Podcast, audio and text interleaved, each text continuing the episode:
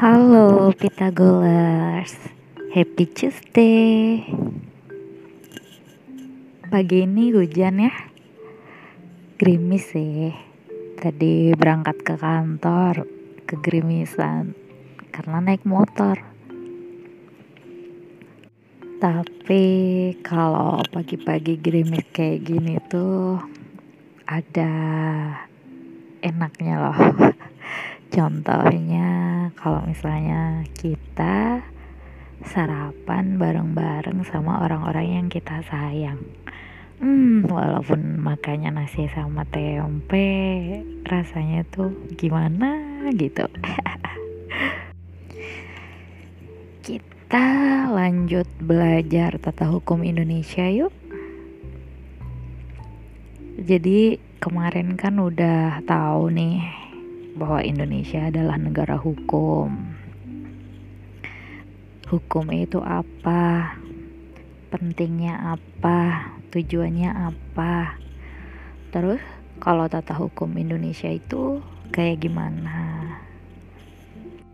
Tata hukum Indonesia itu dimulai sejak diproklamasikannya kemerdekaan Indonesia 17 Agustus 1945 karena pada saat adanya proklamasi Indonesia berarti saat itu Indonesia udah ngambil keputusan untuk menentukan dan melaksanakan hukumnya sendiri yaitu tata hukum Indonesia. Penggolongan tata hukum Indonesia tuh banyak dan berdasarkan macam-macam. Di antaranya itu misalnya berdasarkan wujud atau bentuknya dibagi menjadi hukum tertulis dan hukum tidak tertulis. Hukum tertulis itu ditulis atau dicantumkan dalam berbagai peraturan perundang-undangan. Contohnya yang kita kenal, Kitab Undang-Undang Hukum Pidana, Kitab Undang-Undang Hukum Perdata, itu contohnya.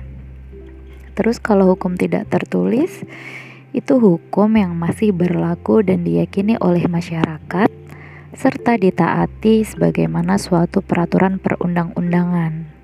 Jadi meskipun nggak tertulis atau nggak dicantumkan dalam peraturan perundang-undangan, masyarakat tetap menaatinya. Contohnya apa? Contohnya hukum adat. Ada juga penggolongan hukum berdasarkan ruang dan wilayah berlakunya. Pembagiannya ada hukum lokal, hukum nasional, hukum internasional. Kalau lokal berarti hukum tersebut hanya berlaku di daerah tertentu. Contoh, hukum adat Batak, Minangkabau, dan lain sebagainya.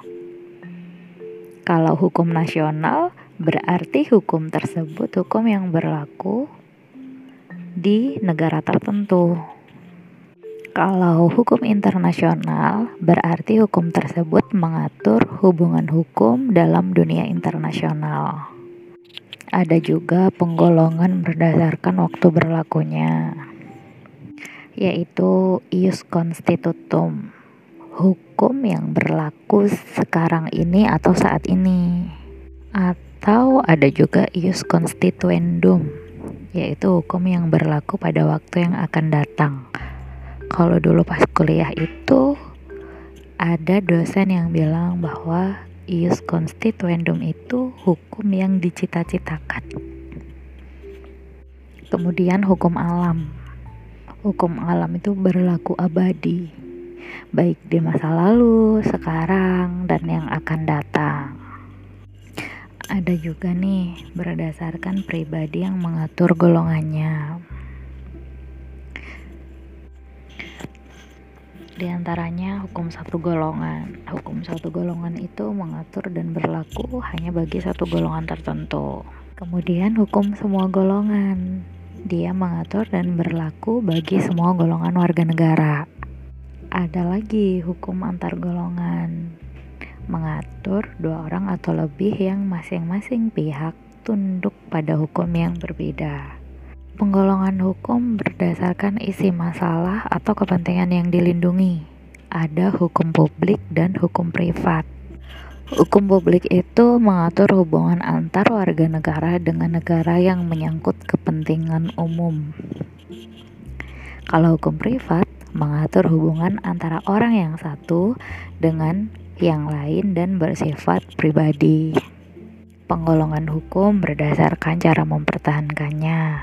Ada hukum material, ada hukum formal. Eh bentar, aku kayaknya waktu itu pernah diomelin deh material dan formil. Kalau material itu berisi perintah dan larangan terdapat di dalam undang-undang hukum pidana, perdata, dagang, dan lain sebagainya. Kalau formil itu isinya tentang tata cara melaksanakan dan mempertahankan hukum material. Itu terdapat dalam hukum acara pidana, hukum acara perdata, dan lain sebagainya. Ada lagi nih yang sering kita dengar, hukum perdata, hukum dagang atau perniagaan, dan hukum pidana. Hukum perdata mengatur hubungan antara orang yang satu dengan orang yang lain dengan menitik beratkan kepada kepentingan perseorangan. Jika dilihat dari pengertiannya, hukum perdata sama dengan hukum privat. Hal ini karena hukum perdata merupakan bagian dari hukum privat. Adapun yang membedakan adalah hmm, kalau hukum privat belum tentu hukum perdata. Tetapi kalau hukum perdata sudah pasti merupakan hukum privat. Ciri-ciri hukum perdata yang pertama, dia mengatur hubungan antara orang yang satu dengan orang yang lain. Yang kedua, mengatur hukum keluarga, hukum harta kekayaan, dan hukum waris. Yang ketiga, proses pengadilannya didasarkan pada pengaduan dari pihak yang merasa dirugikan atau korban. Karena tadi sifatnya privat kan? Kemudian yang keempat, korban berlaku sebagai penggugat dan tersangka berlaku sebagai tergugat.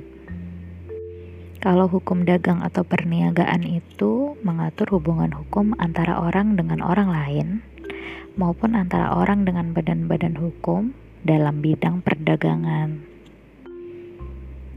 Adapun hukum pidana itu mengatur perbuatan-perbuatan yang dilarang atau melanggar disertai sanksi-sanksi hukum yang tegas dan jelas terhadap pelanggarannya serta cara-cara mengajukan perkara ke muka pengadilan juga tegas dan jelas.